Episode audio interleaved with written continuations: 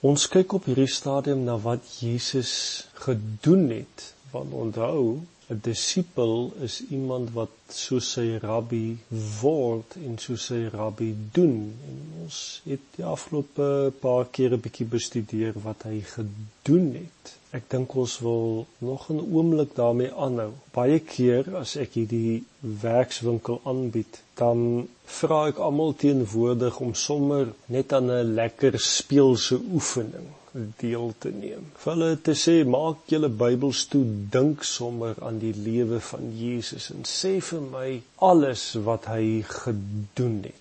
Wees baie prakties. In sy 3 jaar van bediening, wat het Jesus alles gedoen? En dan gaan staan ek by 'n flipchart nou kry ek nie die Afrikaanse woord daarvoor nie en sê hulle moet skiet en ek skryf alles neer. En uh, dit is 'n lekker oefening. En ja, meeste van die tyd is daar baie goed wat uitkom. Hulle sê Jesus het gebid. Dis iets wat hy gedoen het. Hy het geëet. Hulle kan sien hy het geëet, hy het geslaap. Ons lees dit. Hy het geleer, hy het gesond gemaak, hy het heel gemaak. Hy het gedebatteer met die Fariseërs en die Sadduseërs, die skrifgeleerdes. Hy het gegaan, hy het geloop. Onthou, dis lekker prakties. Hy het vriende besoek. Hy het na verskillende dorpe en stede na toe gaan. Ja, hy het wonderwerke gedoen. Ja, hy het gesterf aan die kruis. Hy het opgestaan uit die dood. Ag, en so kan jy aangaan, sommer lekker praktiese goed. Dit is 'n lekker oefening.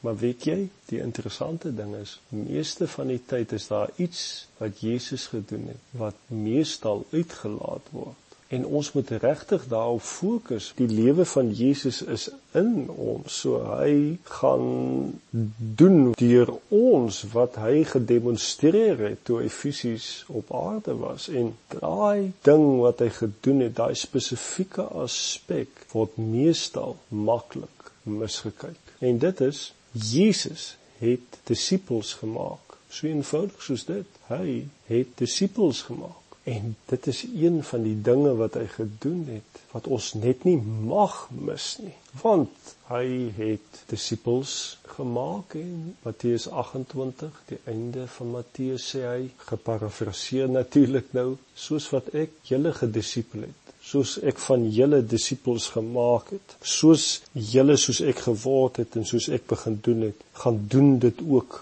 met ander. So ons kan nie dit mis nie. Dit is wat Jesus doen. Dit is wat ons gaan doen met Jesus in ons. Ek wil net weer saam met jou lees Matteus 9 vers 37 en 38. Toe sê hy vir sy disippels: "Die oes is wel groot, maar die arbeiders min. Bid aan die Here van die oes dat hy arbeiders in sy oes mag uitstuur." Die interessante ding is dat Jesus hierso praat van daar's 'n groot oes wat ingesamel moet word, maar die arbeiders om hierdie oes in te samel, hulle is 'n bietjie min. Hy sê: "Vra dan die Here, bid tot hom dat hy arbeiders mag uitstuur." Ek sien altyd hierdie prentjie hoe die disippels so mooi luister na Jesus se woorde en sê: "Ja, joe, daar's nog baie te doen in hierdie wêreld. Baie mense is verlore. Almal ken nog nie vir U nie en U is die Messias en daar's baie mense wat gaan moet hard werk om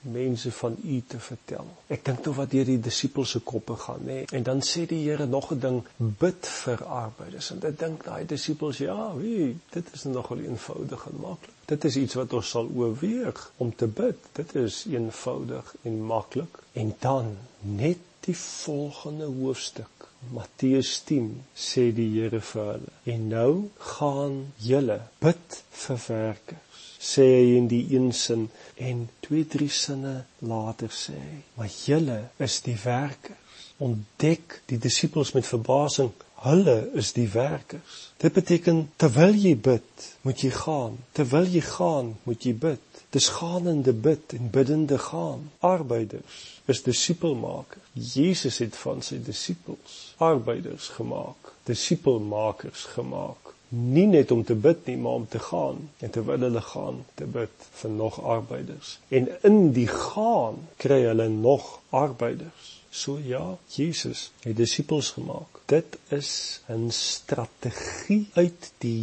hemel uit. 'n Vermenigvuldigende strategie gaan ons later sien. En hierdie strategie, dit wat Jesus hier gedoen het met 'n paar jong seuns, mag ons nie mis nie en ons moet dit nou beter bestudeer. En in die volgende klomp klankgrepe gaan ek 'n bietjie dit met jou deurtrap. Maar let op, hy het hierdie jong manne toegerus, hy het hulle gementor, hy het hulle afgerig, hy het hulle gedisipel om arbeiders te wees om die oes in te bring. Hy het dit met hulle gedoen, hy doen dit met ons. Ons is arbeiders. Kom ons kyk volgende keer hoe het Jesus disippels gemaak?